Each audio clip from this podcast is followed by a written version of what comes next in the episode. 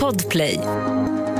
Hej och stort tack till dig för att du lyssnar på den här podden som heter Snutsnack. Jag uppskattar verkligen att du stannar kvar och lyssnar på våra poliser där ute. Ja, jag har ju såklart en gäst även idag. Hon heter Linda. Hon har gjort, som en del andra, en karriär som kanske inte följer mallen någonstans. Hon började en utbildning, hoppade på en annan, Vänder tillbaks lite. Ja, jag ska inte förklara det nu. Alldeles strax får höra Lindas resa. Ett intressant avsnitt om både det ena och det andra. Linda är givet med, givetvis med i ett avsnitt på Patreon också där vi kommer att prata lite om hennes nuvarande yrke som inte är polis. Patreon.com snutsnack om du vill höra lite bonusmaterial med Linda, vilket jag tycker du ska göra för det är väl värt. Det finns mycket bonusmaterial på Patreon. Annars Instagram och Facebook finns vi på där du får se när jag lägger upp nya avsnitt med mera. Nu önskar jag att du tar det försiktigt där ute och så hoppas jag att du givetvis får en mycket trevlig lyssning.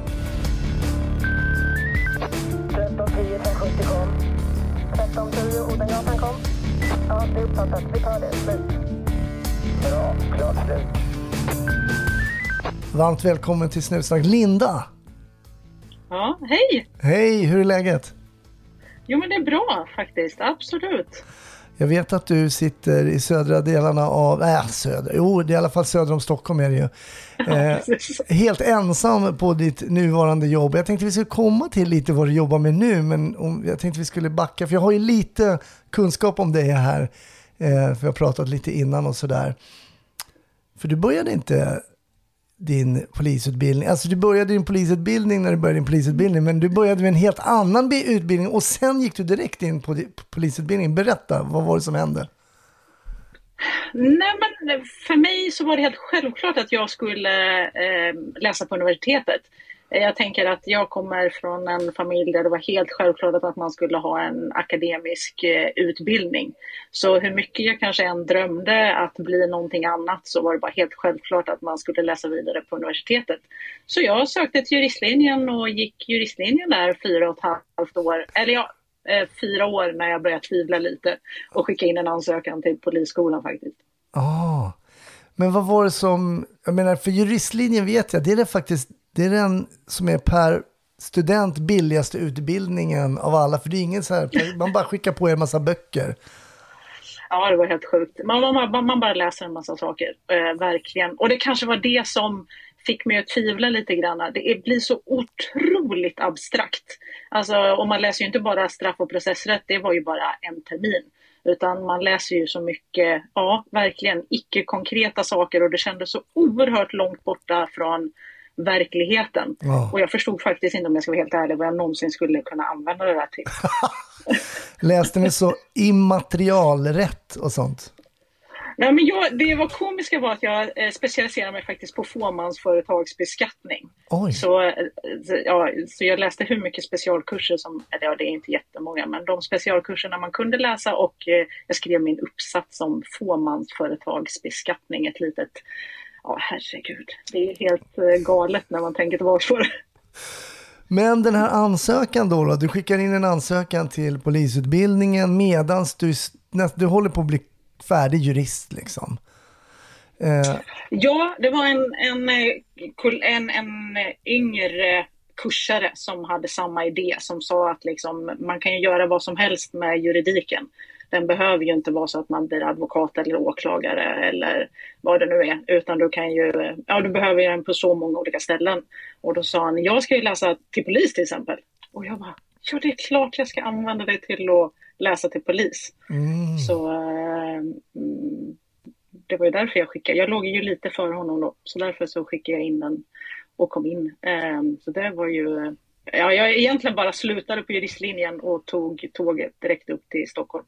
Ah, okej. Och då fick du börja läsa straffrätt igen och rättegångsbalken. Och... Ja, fast då var det ju konkret. Då var, då, då, det, det var helt annorlunda. Alltså helt plötsligt så kändes det som att juridiken liksom föll på plats. Att man Mm. visste vad man skulle använda den ti- till. Det var inte en massa diskussioner, hypotetiska resonemang, utan mycket, mycket mer konkret liksom. Du kan inte sitta där och fundera jättemycket utan antingen så ja, finns det gripande skäl eller så finns det inte gripande skäl. Alltså lite så. Det var mycket mer konkret och det gillar jag. Just det, ja men precis. Och för er lyssnare då, då, nu tänker jag mig in i din situation, men att, och lite yngre var du ju då också givetvis, Eh, att hur abstrakt det blev att poliser, de som är poliser någonstans gör saker för att en åklagare sen att, ja men sen vet man, det här ska jag själv göra, jag ska ta tag i en person, tillfälligt frihetsberöva och sen bedöma, kan jag liksom släppa eller inte släppa? Ja men det känns ju väldigt mer hands-on. Ja, och att man kanske också eh, kände att, eller man, jag kände nog att jag kunde hjälpa människor på ett annat sätt. Det andra förstod jag inte riktigt. Nu tycker jag ju att jag gör det såklart, men, men då var det lättare att förstå hur man kunde hjälpa människor direkt liksom när de har blivit utsatta för brott eller se till att de bemöttes på ett bra sätt. Eller, ja, det var verkligen eh, ja, det föll på plats på polisskolan. Men i övrigt då skillnaderna jag tänker på universitetet och studenterna, alltså, var det någonting som du kan ta på där som du liksom säger, men där kunde jag faktiskt se skillnader ganska tydligt mellan studenterna eller själva utbildningen. Hur andades de här två utbildningarna om man jämför dem liksom med varandra? Ja, ja, men det, går inte, det går verkligen inte att jämföra. Det ena var ju att man träffades kanske två timmar jag vet inte, kommer inte ens ihåg när vi hade lektioner, men det kanske var max två timmar om dagen vi hade på juristlinjen och resten mm. satt man och bara läste för sig själv på biblioteket och tragglade böcker och text. Oh. Och så komma till polisskolan där det liksom är åtta till fem och eh, ja men och det var ju inte bara plugga utan det var ju massa annat roligt liksom. Så det är klart att det skapar en helt annan eh, sammanhållning eh, än att man sitter liksom två rader från varandra i en jättelik aula och lyssnar på en föreläsare. Mm, jag fattar.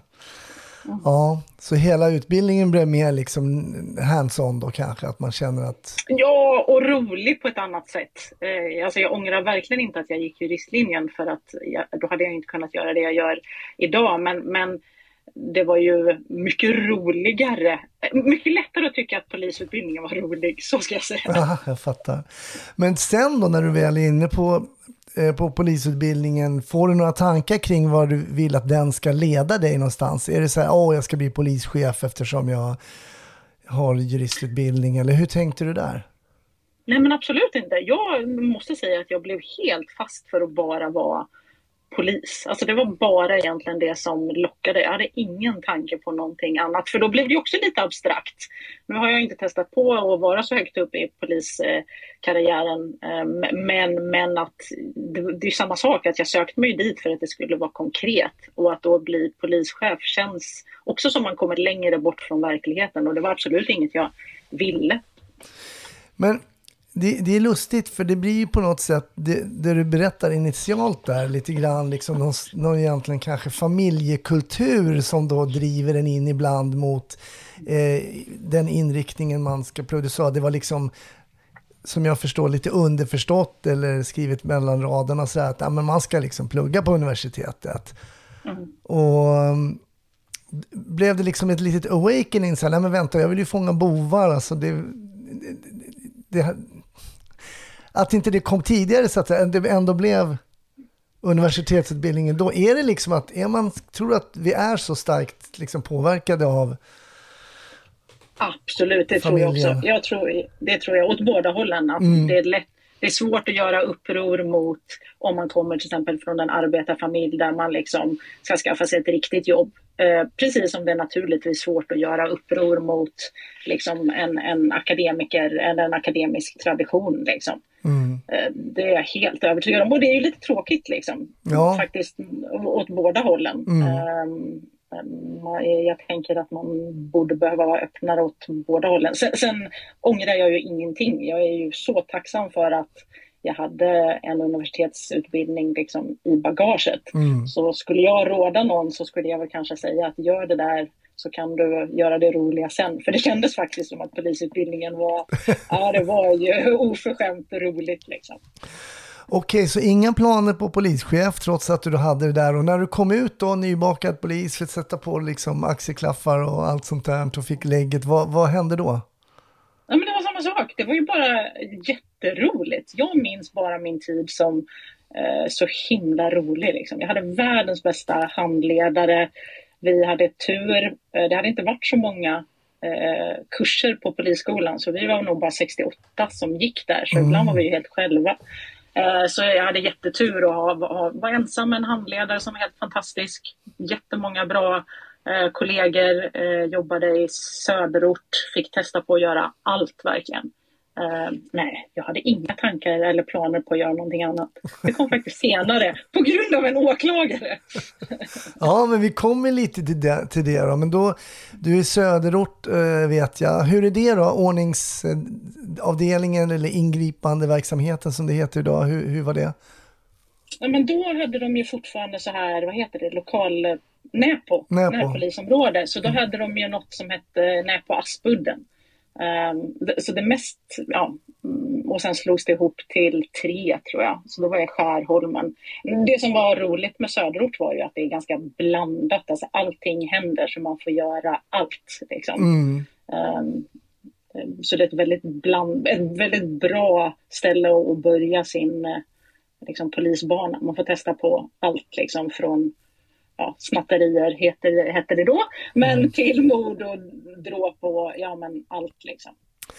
Det finns inte det brottet längre, snatteri? Ringa stöldare är du ju. Ja, ringa Jag vet inte riktigt. det, är inte, ja, det låter inte riktigt lika liksom, eh, lättsamt som snatteri. Men, ja. Nej, okej, det är borttaget. Ett poddtips från Podplay. I fallen jag aldrig glömmer djupdyker Hasse Aro i arbetet bakom några av Sveriges mest uppseendeväckande brottsutredningar. Går vi in med hemlig telefonavlyssning och, och då upplever vi att vi får en total förändring av hans beteende. Vad är det som händer nu? Vem är det som läcker? Och så säger han att jag är kriminell, jag har varit kriminell i hela mitt liv men att mörda ett barn, där går min gräns.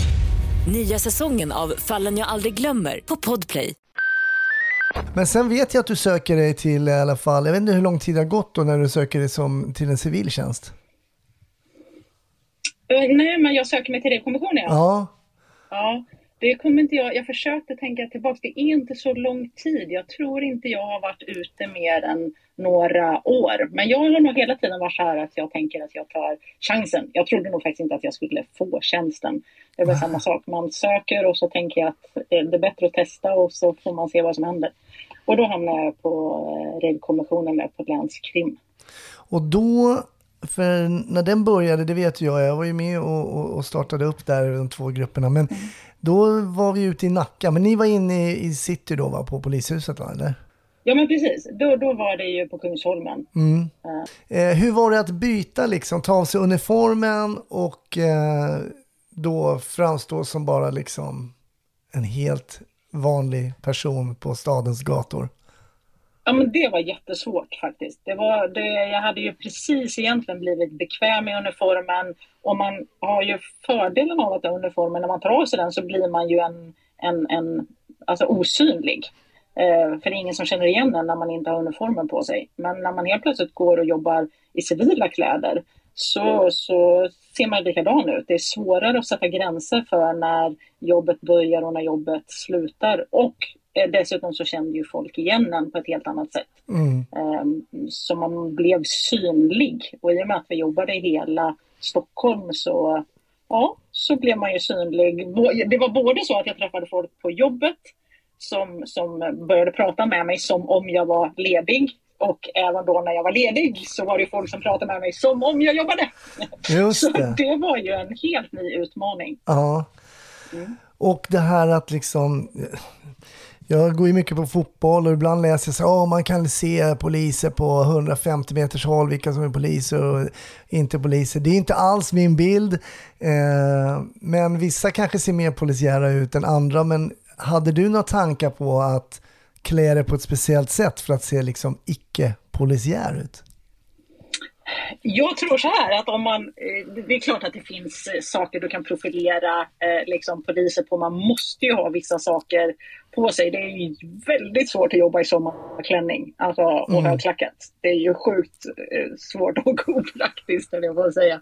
Men, men visst, sen tror jag ju att det var en fördel av att jag inte såg så polisiär ut. Jag tror att vi kanske var lite ändå eh, utvalda på, eh, inte för att det var den enda egenskapen, men lite kanske också för att vi inte såg så polisiära ut. Mm. Men då kom du att jobba med ungdomar och narkotika som ju mm. Rave-kommissionen som ju är ett namn liksom lite mer folkmun. Det hette väl eh, något helt annat, jag har till och med glömt bort. Ja, just det. det. Jag kommer inte ihåg det, det nu heller. Det, vi, tar reda på det. Det, ja. ja. det hette något jättelångt ju. Ja. Kommissionen för... Ja, mm. ja. Nej, vi kanske kommer på det sen, men det har jag också glömt. Men du berättade här att när du var färdig som polis hade bra handledare och sådär. Men det är ju nästan så att man faktiskt behöver en handledare när man tar av sig uniformen också. Ska gå ut och titta och kika och, mm. och hur var det? Jag menar, vi har varit inne på det lite grann med klädsel och sådär. Men man agerar ju nästan på ett helt annat sätt. Fick du någon ja, men... handledning av din gruppchef då eller? Ja, men alltså det var väl samma sak. Jag hade ju jättebra grupp och det, tipset var ju faktiskt att göra skillnad. Inte ha de kläderna på sig på jobbet som man sen hade privat. Så även om det inte syntes så var det ju ändå så att de jeansen och den tröjan och den västen hade jag ju egentligen aldrig privat utan jag hade ju de kläderna på jobbet så att det ändå kändes som någon form av symbolik. Det var någon äldre kollega som sa att han hade samma byxor på sig i början just för att, att liksom få känslan ändå av att nu börjar jobbet och nu slutar jobbet. Ja, ah, just det. Och då hur jobbade ni då? Jag vet ju hur vi jobbade, men liksom, hur var ert tankesätt då kring uh, ungdomar och, och, och, och narkotikabrottsligheten då på den tiden? När var det här ungefär? Vilket år var det här? 2001 tror jag, mm. om jag har försökt tänka mig Ja, men alltså, jag skulle egentligen önska att polisen, på det sättet som Rejkommissionen jobbade, skulle jag ju önska att polisen alltid jobbade, för det kändes ju som att inte saker föll mellan stolarna. Att både liksom ha sin egen underrättelseverksamhet, ha sin egen uppsökande verksamhet och dessutom följa upp liksom ärendena som man också ja, men, körde hämtningar på de ärendena på försäljningslistor och liknande. Och sen, ja, det, det var ju helt lysande. Jag förstår faktiskt inte varför inte det har fått större genomslag. Liksom. Det, är ju, det, det, det kändes så fantastiskt givande att det aldrig egentligen föll mellan stolarna. Eh, någonting liksom. Nej, så, det, var någonting, ja. det var någonting unikt med den, det sättet att mm. jobba. Det var väl precis som för oss, sällan de ringde och sa så här, hej Linda, vi tror att det kanske är några ungdomar som säljer knark från en lägenhet där och där, utan det har ni, ni hittade liksom era ärenden själv. Baserat på kanske egna källor eller källor som har hört av sig på ett annat sätt. Liksom. Var det ja, så? eller bara vara ute också. Mm. Alltså det var väl det som var det fantastiska. Vi rörde oss ju där eh, man skulle röra sig. Liksom. Och det var ju inte så svårt att, att eh, profilera dem, vare sig man rörde sig på Plattan eller Björns trädgård eller på krogen. Det, det, var, det var inte svårt. Tvärtom så var det ju ganska övermäktigt många gånger. Liksom. Det, det, man hann ju inte med allt. Nej. Det är li ja. lite missvisande namnet för det var inte så att man var på rave varje kväll. Liksom. Nej. Sen var det ju några sådana roliga, alltså att vi var ute i skogen och, och, och de bara startade stora liksom, fester. Men det var ju samma sak, att där var det också eh, egentligen att vi inte mäktade med. Liksom. Mm. Mm. Nej, det är intressant. Jag, jag var med, jag var gästad i en podd och Ja, det har tänkt på det lite. Det, det, vi har ju en oerhört restriktiv eh, narkotikalagstiftning, men jag, då reflekterade jag egentligen aldrig över rådande lagstiftning om, om vi ligger rätt i tiden eller något sånt. Jag bara körde på. Det var ju liksom eh, Eh, tjuv och polis och vi rättade oss efter de reglerna vi hade och man försökte smita undan så gott det gick liksom på andra sidan. Så där. Tänkte du någonting på då rådande liksom, lagstiftning? Tyckte du till exempel att äh, men det här är för tufft eller det är bla bla bla? Tänkte du på det någonting när du jobbade? Ja, men jag, jag, jo, men jag tänkte nog på det både när jag jobbade, men jag har också tänkt på det i efterhand, att det är liksom lätt lättare ju att rätta sig efter gränser som är tydliga. Alltså, eh, om du har att det inte är tillåtet att vare sig använda eh, eller inneha någon form av narkotika så blir det väldigt tydligt. Det är liksom en svart eller vit eh, linje lite grann. Sen kan den naturligtvis drabba den enskilde individen hårt. Men om man tänker sig att det är okej att inneha lite granna Ja, men är det då, då kanske det är svårare att är det 5,1 gram som är okej eller liksom om jag väger det och, och lyfter lite så blir det 4,9 och då är det okej. Liksom. Mm. Jag tycker de gränserna är mycket svårare. Plus att jag upplevde att det vi gjorde var bra. Alltså, det var ju inte att jaga missbrukare utan det var ju nästan alltid tyckte jag en in inkörsport till att vi hittade de som sålde större och mer och, och liksom upptäckte ungdomar. Och faktiskt en hel del ungdomar och föräldrar upplever jag som hörde av sig och var tacksamma. Mm. Mm. Någonstans att sätta gränser och stoppa det innan det har gått för långt. Mm. Ja, nej, också väldigt, eh, väldigt spännande exempel på just mm. det. Att man kan visa så att det här restriktiva sättet, här finns exempel på att det fungerar. Sen så då ska det då kanske, för vissa andra, då ska det ställas mot frihetligt, vad får jag som människa göra och inte göra och så vidare och så vidare och då blir det liksom politik och sådär. Men, nej, men det är väl min bild också att många poliser, man rättas efter det som, eh, som är och sen är det bara att köra och praktiskt polisarbete blir ju lättare med tydliga, tydliga linjer så att säga. Ja men så är det ju och dessutom tänker jag så att gillar man inte liksom att vi till exempel har hastighetsbegränsning i Sverige, ja men då får man bli politiskt aktiv och så får man ju ändra det. Mm.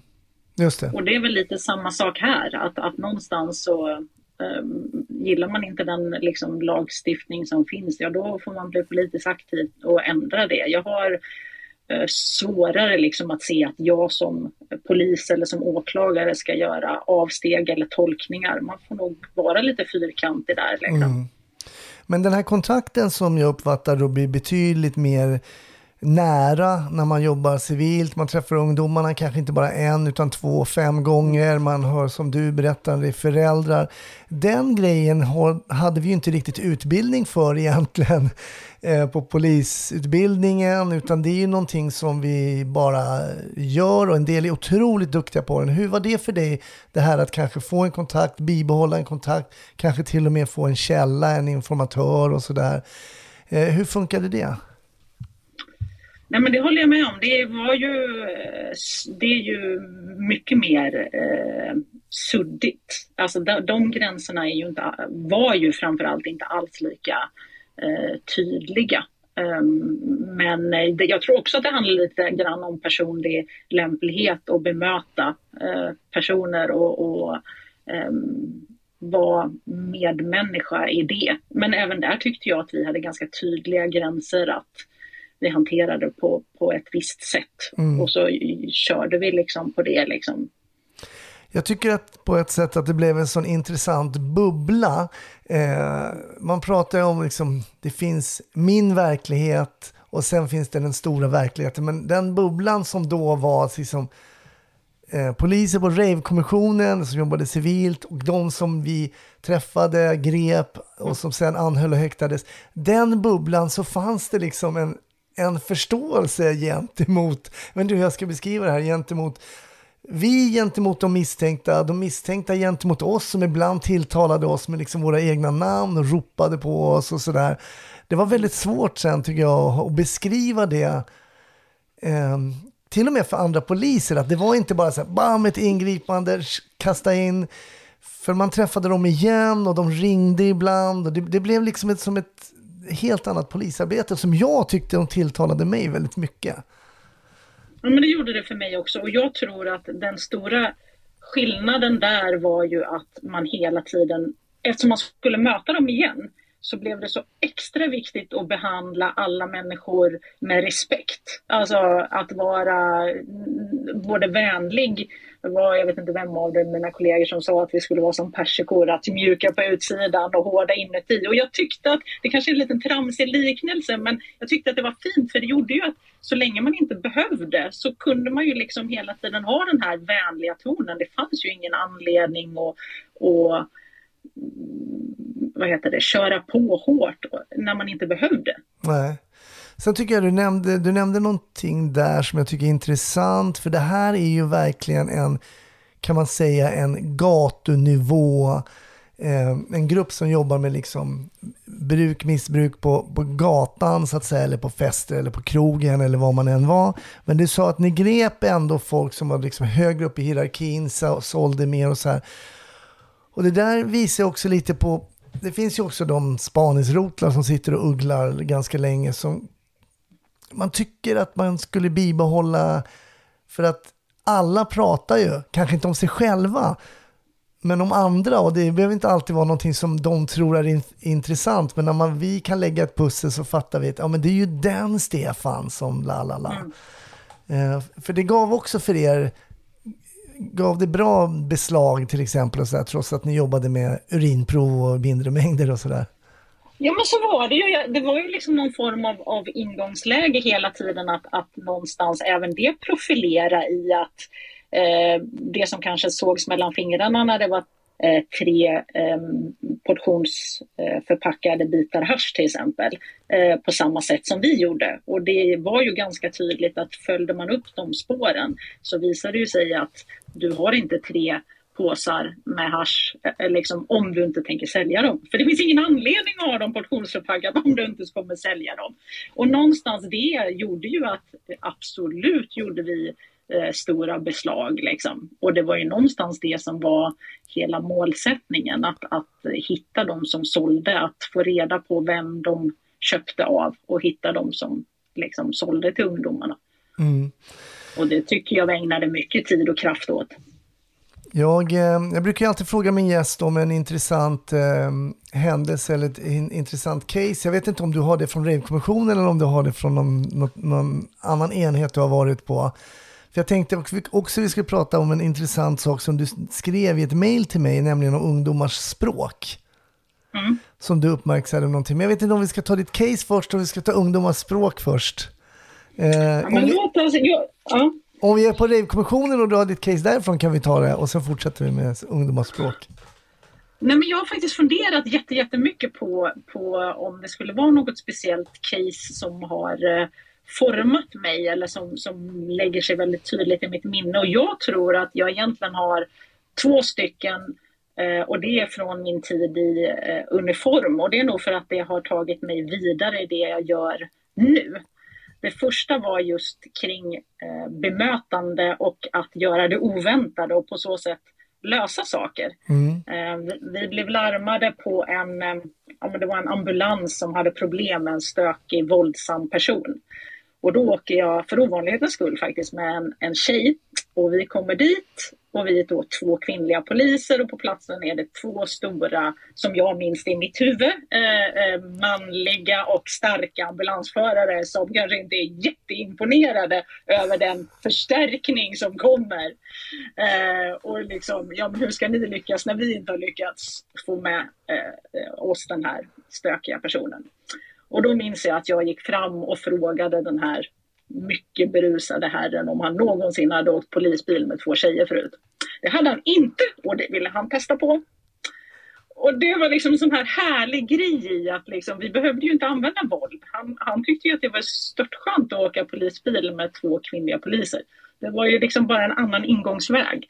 Och det fick mig väldigt mycket att tänka på hur man kan uppnå det man vill fast på så väldigt olika sätt och att eh, våld och kraft aldrig är eh, rätt, väldigt, väldigt sällan är rätt väg utan eh, eh smicker och list vinner alla dagar i veckan.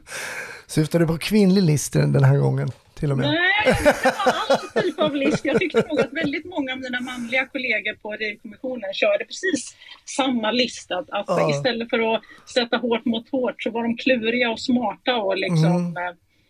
Eh, eh, fick, ja men det är ju lite grann som att du kan ju försöka tvinga folk att prata eller så kan du eh, eh, vara smidig och listig och förmå folk att prata och det är klart att det, det sistnämnda vinner varje gång liksom. Så ja, men det här är ju ett klassiskt exempel på att tänka utanför boxen. Då. Det här kan vi till och med ha ambulansen som box. Alltså, den, mm. Han behövde inte tryckas in just i den boxen utan bara att okej, okay, kan vi få honom till den här platsen på ett annat sätt? Ja, det är ett jätte, jättebra exempel. Och det där är ju, jag tror jag har nämnt det någon gång också i podden, jag upptäckte ju själv när jag jobbat på Norrmalm att varför pratar de inte mer med den där stora starka polisen och faktiskt pratar med mig? Och det var ju, det är ju lite smickrande då till en början innan man inser att, men vänta, jag kanske har en, någon form av förmåga som en, en, en duktig polis eh, behöver att kunna liksom, eh, vara verbal till exempel. Det är ju viktigt. Ja, och jag tror kanske att man, om man då inte faller i ramen i det här stora starka så måste man ju utveckla det andra mera. Men mm. I, i liksom backspegeln kan jag ju se att alla tjänar ju på att utveckla den verbala förmågan mycket mer än att sätta hårt mot hårt. Och jag kan definitivt säga att det är någonting som jag har tagit med mig, att försöka tänka utanför boxen och att man kanske inte alltid, bara för att man kan, eh, till exempel få använda tvångsmedel, kanske man inte behöver. Mm. Och man kan göra det i ett senare skede. Ehm, jag har ett jättebra case där det var några ja, men där det just var så att vi frihetsberövade dem mycket senare. Och då trodde de inte alls att de skulle bli frihetsberövade. Mm. Och då blev det jättebra istället för att göra den här traditions vägen att gripa, anhålla, häkta och så ska de sitta i flera månader. Så, så det oväntade fungerar på väldigt många olika sätt. Liksom. Just det. Ja, det är intressant. Ditt andra case, du sa det här var det första. Det här är ju intressant för det leder ju lite på det språnget som vi ska prata om sen, mm. lite med språket och så. Men, men eh, det andra caset som du hade i tankarna då? Ja, och det var också när jag jobbade i uniform och då var det ju eh, en person som hade knivskurit en annan person väldigt, väldigt allvarligt. Och i bilen sen då, när vi hade den här personen som var gripen, så pratade den här personen vitt och brett om allt den hade gjort. Och jag tyckte kanske att det var ganska olämpligt, för jag tyckte att den kunde vänta tills den hade fått sin försvarare. Så jag försökte säga att du ska vara tyst och du kan väl vänta, du får en försvarare, vi ska prata med dig sen. Och eh, personen fortsatte att prata och till slut så bad jag, bad jag verkligen uppriktigt att men du måste vara tyst, du ska inte sitta här och berätta om din egen eh, brottslighet. Men eh, det gick helt förbi och eh, det slutade med att jag skrev då ganska tydligt och detaljerat om det som den här personen hade berättat om. Och tänkte inte mycket mer på det och sen så gick det några månader och sen helt plötsligt så blev det ju rättegång och så fick jag komma och vittna på det där. Och jag förstod ju inte hur stort där och då de iakttagelserna hade gjort var sen. Och det fick mig också in på spåret av att man tror lätt när man jobbar i uniform att de iakttagelserna är lite obetydliga eller oväsentliga och inte behöver jag skriva ner det. Men det här var ju någonting som var väldigt viktigt och väldigt avgörande och fick mig att inse att avrapportering och alla bitar i kedjan är så viktiga. Mm. Så det är inte bara där, det var bara lite snack bak i bilen så att säga, utan det snacket kan också vara av, av vikt sen för utredningen. Ja men såklart. För ja. som jag förstod det utan att ha, eller jag uppfattade det i alla fall som att det var enda gången som det framkom vad, det var enda gången personen berättade. Mm. Det var i bilen. Eh, jag var ju inte alls inkopplad i den utredningen men det var den bilden jag fick. Och det är mm. klart att det är där som är att jag tror att, och det säger jag ofta till polisen när jag träffar dem nu i yttre tjänst, att deras iakttagelser är så oerhört viktiga. Att man tror att det inte spelar någon roll vad jag ute på platsen ser eller hör eller märker. Och det kanske kan vara det som eh, ärendet ibland står och faller med. Just det. Intressant. Mm. Ja, men jätteintressant. För jo, det, det du hade nämnt i, i, som du skrev i ditt mejl också var att du um, uppmärksammade språket ganska mycket mm. hos dem som du träffade och när du satt i förhörssituationer. Hur kommer det sig? Vad, när började du uppmärksamma språket? Ja, men jag tror faktiskt redan på rejvkommissionen, men då var det nog mer intressant att de kunde växla. Att de ibland pratade med oss eh, på, vad ska man nu säga, med någon form av dialekt och ibland pratade perfekt svenska. Men absolut att, att språket är en form av handikapp och då är det i, i både de som, som har svenska som modersmål och de som inte har svenska som modersmål. Och jag tycker att det har försämrats.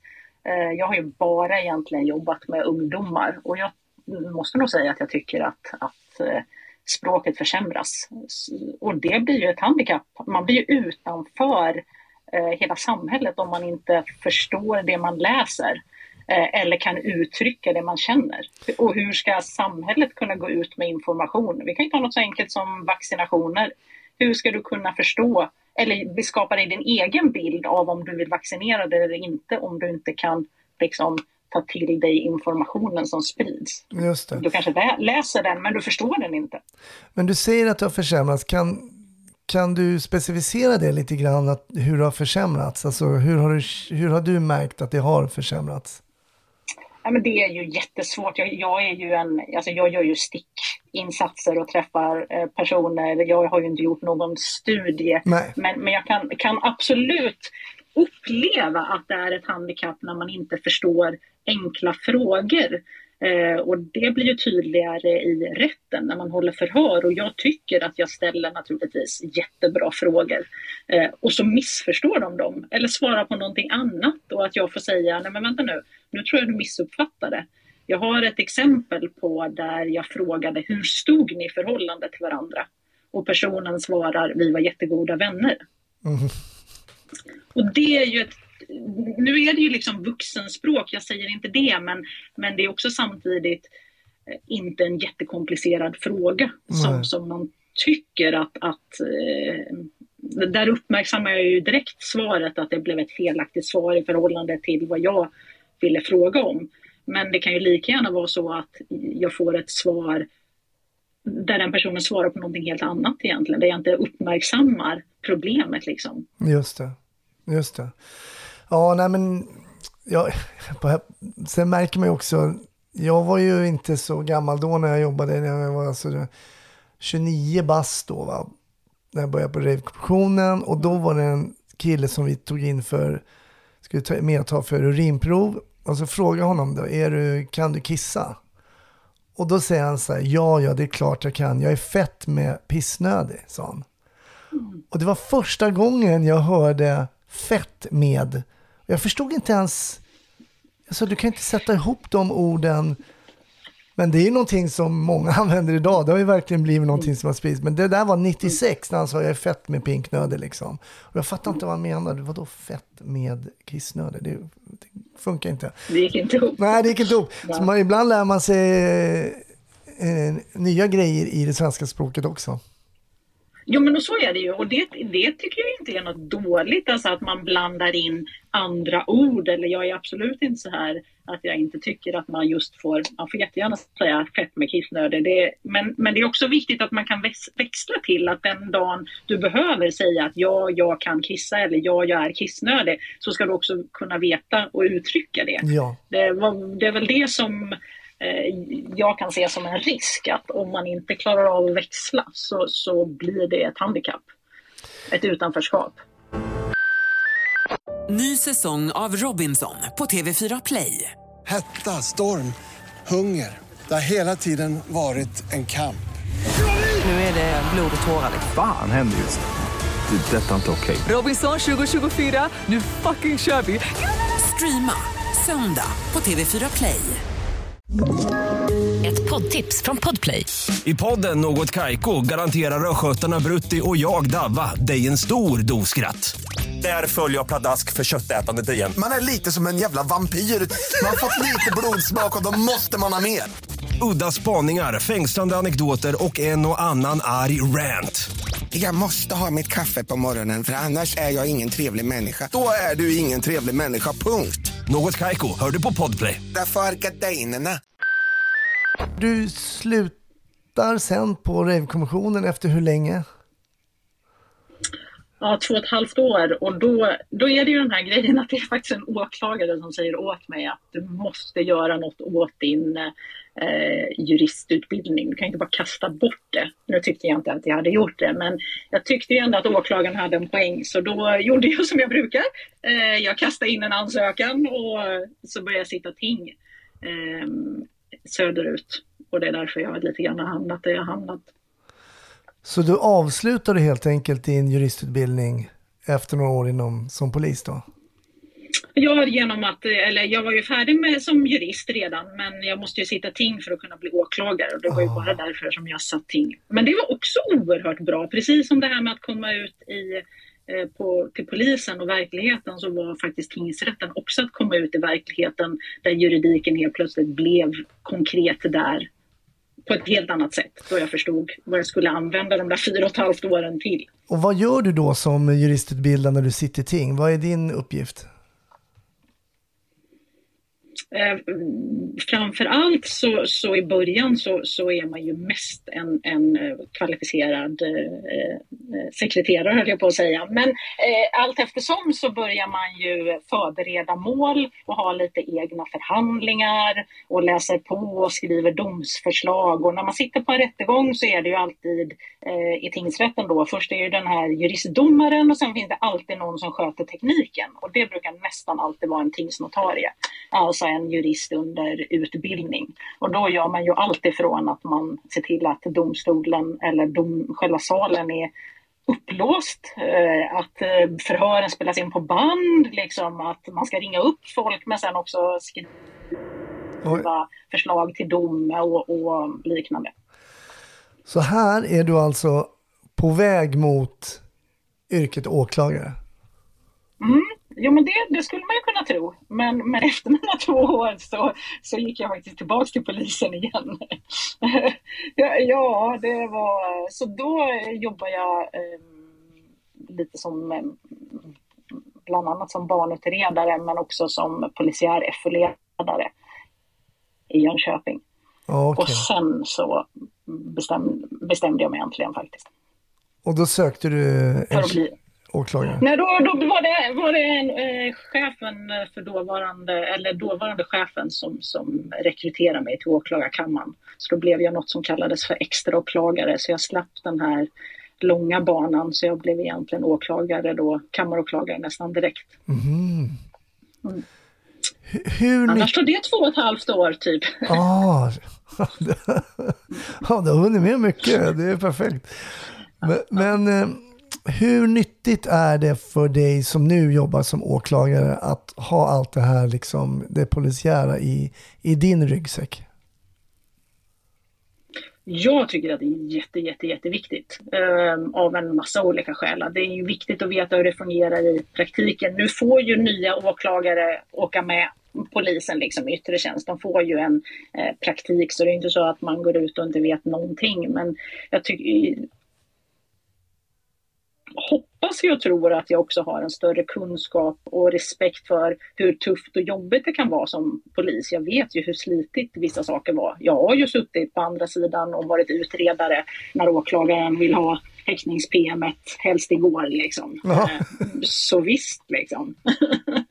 det, det, men eh, om jag ska vara ärlig, och det ska man ju vara också, så tror jag ju också att jag kanske blir lite jobbig eftersom jag vet också hur det funkar. Ah. Eller hur? Ja, just det. Ja, men du har ju inside information det, går ju, tyvärr. det, det, det, går ju, Ja, det går ju inte att säga att nej, men det där funkar inte. Eh, så kan man inte göra. Jag bara, jo, så kan man visst göra. Ja, det är... Rent praktiskt. Alltså, jag vet ju hur det fungerar i systemen. Så, det är inte, ja. så de poliser som är entusiastiska och gillar att jobba, de brukar gilla att jobba med mig. Och de som kanske är lite mer bekväma, ja, kanske inte riktigt tycker att det är riktigt lika roligt. Vilka case, vilka case sitter du med idag då som åklagare? Ja, men nu har jag faktiskt tagit helt nya. Eh, för två år sedan så började jag på något som heter för riksenheten, på Riksenheten för miljö och arbetsmiljömål. Och nu sitter jag bara med en, ett jättestort massmedialt ärende eh, som är, mm, kallas för Think Pink, alltså sopskandalen. Ah, det har brunnit. i, Just det. Det var någon cool brud som var någon frontfigur där, läste jag i någon tidning. just det här kan jag inte prata så mycket om Nej, eftersom det pågår. men jag förstår jag, det, jag, jag bara det. säger att det är det, Det är jag, det du jobbar det är med. det jag, Ja, det är det jag ägnar min... min Vi tid får, åt. vi får återkomma i detta ärendet, för det, det är ju spännande. Eh, vad jag förstår så är det taskig hantering av eh, våra sopor helt enkelt. Eventuellt. Ja, jag tror absolut att det finns eh, läge att återkomma, men just nu så är det ju eh, ingenting vi kan prata om. Nej, jag förstår. Men då, då kan jag i alla fall förstå att du sitter med ett stort ärende just nu då. Ja men precis och det, och det är ju inte så stor skillnad. Alltså, på så sätt så är jag tänker ju polisarbete och åklagararbete är ganska likadant även om brottstyperna vari- varierar. Att det liksom handlar fortfarande om att samla material och vara strukturerad och skapa och lägga pussel någonstans. Mm. Eh, få människor att berätta liksom. Ehm, det känns som att det är väldigt, väldigt likadant jämt. Det var någon som frågade liksom, ja men är det inte jättesvårt? Ja, jo.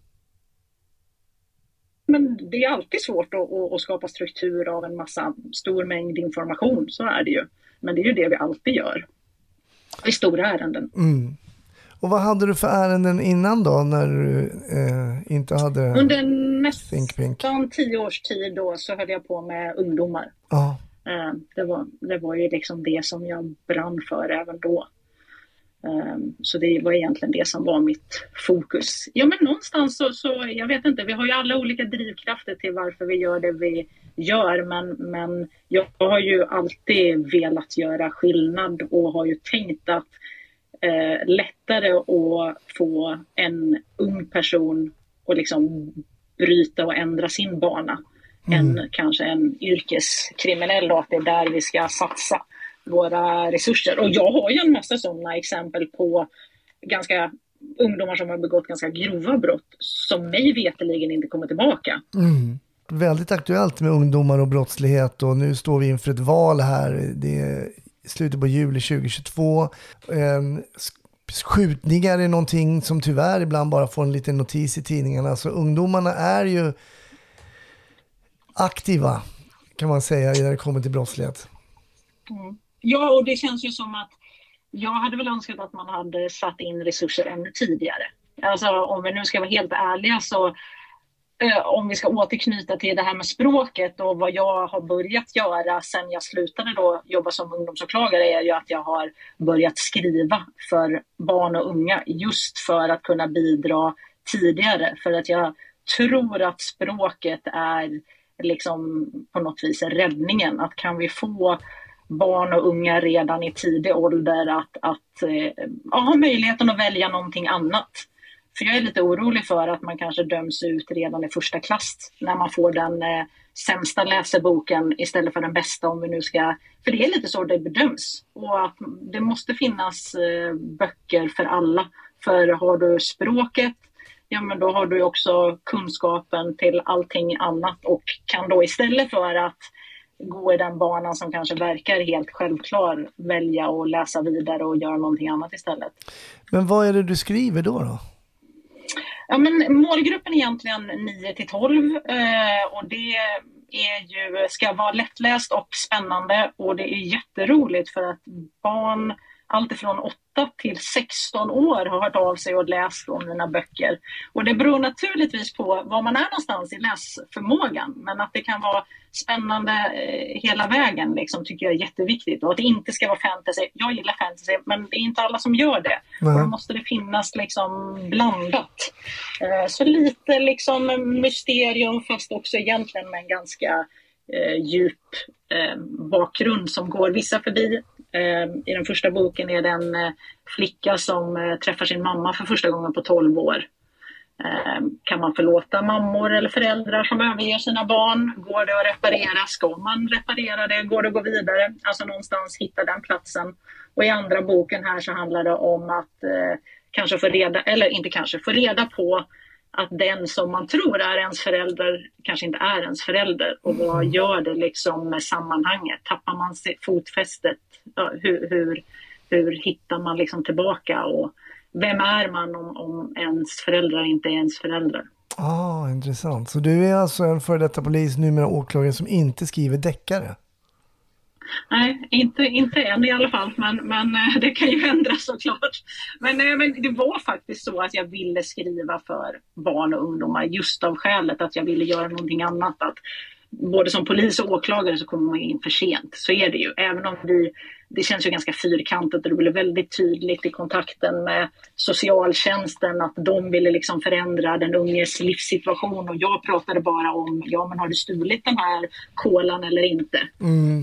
Ja, Nej men alltså det kändes lite, medan här kan jag faktiskt göra någonting annat. Att jag, jag förstår väl att mina böcker inte kommer rädda världen men man får åtminstone bidra med det man kan och det här tänker jag kan vara någonting som kan bidra. Om man som lyssnare nu tänker att ja, men det här kanske skulle vara intressant för min 8, 9, 10-åring, vad, vad, vad kan man hitta dina böcker då? Eh, De heter Djävulsgapet och Andeträden eh, och de finns på alla nätbokhandlar. Eh, så det är bara att söka på dem. Så det finns bara att köpa på nätet. Eller ja, det finns ju att köpa i en del bokhandlar också såklart. Mm. Lättast är det på nätet. Just det. Spännande. Jag tänkte vi, vi brukar ju alltid runda av eh, ett avsnitt med att prata lite polisfilmer. Eh, nu är vi inne på böcker, en del har ju tipsat om böcker, men hur är det med eh, tv-tittandet? Jag vet inte, säger man tv-tittande nu för tiden? Jag vet inte, man kollar på Netflix eller HBO eller någonting. Men kollar du på åklagar, polisgrejer? Nej, alltså grejen är att här är jag, blir jag ju så oerhört kritisk. Jag tycker att det är så svårt att både läsa deckare och till exempel titta på deckare för att jag tycker att det inte är på riktigt liksom. Du Jag sa, har svårt att, att se bortanför från, alltså liksom, då är det lättare att, jo men man kan titta på utländska och man kan läsa utländska. mm, Men, men eh, jag är inte en deckarfantast. Mest också av det enkla skälet att eh, verkligheten överträffar ju dikten alla dagar i veckan. Liksom. Så just det. jag, Ja, nej, jag behöver inte. det kan man köpa. Jag, det, jag, ja. jag är ingen bra... Där, däremot så läser jag gärna som sagt eh, fantasy och, och eh, allt möjligt annat. Men, Kan du rekommendera någonting? Jag gillar också fantasy. Kanske kan du rekommendera något i bokväg där? Jo, men jag älskar ju, jag är ju en sån här som älskar eh, det som kallas för unga vuxna eller young adult fiction. Liksom. Eh, så nu läste jag precis en på engelska som hette Burn Our Bodies Down, jättebra. Och sen eh, en som heter Nionde sällskapet som var också helt, jag tycker att det är jätteroligt. Det är lite så här mystiskt och såklart lite övernaturligt. Jag gillar det. Har du sett Stranger Things? Ja, första säsongen. Ja, för min äldsta dotter rekommenderade, pappa du kommer älska den, men min fru, vi såg tio sekunder på introt och bara, nej det är för läskigt, stäng av. Så det, det, blir, det blir ingen gemensamt tittande där. Men, men, äh, men eh, kul med tips på böcker om inte annat. Linda, stort, vi ska prata vidare lite i ett Patreon-avsnitt. Ehm, och vad det blir där, det vet man aldrig, men jag tror att det kommer bli lika intressant som att ha dig som gäst i det här avsnittet. Stort tack för att du ville vara med och gästa Snutsnack. Ja, men, eh, stort tack för att jag fick vara med.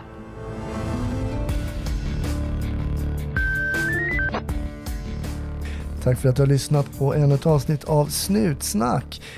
Den här episoden är till ända, men givetvis kommer det en ny i nästa vecka. Jag hoppas att du vill lyssna även då. Bonusmaterial finns det en helt hav av på patreon.com snutsnack. Gå gärna in och lyssna lite där. Tack för den här veckan. Hoppas vi hörs i nästa. Hej då!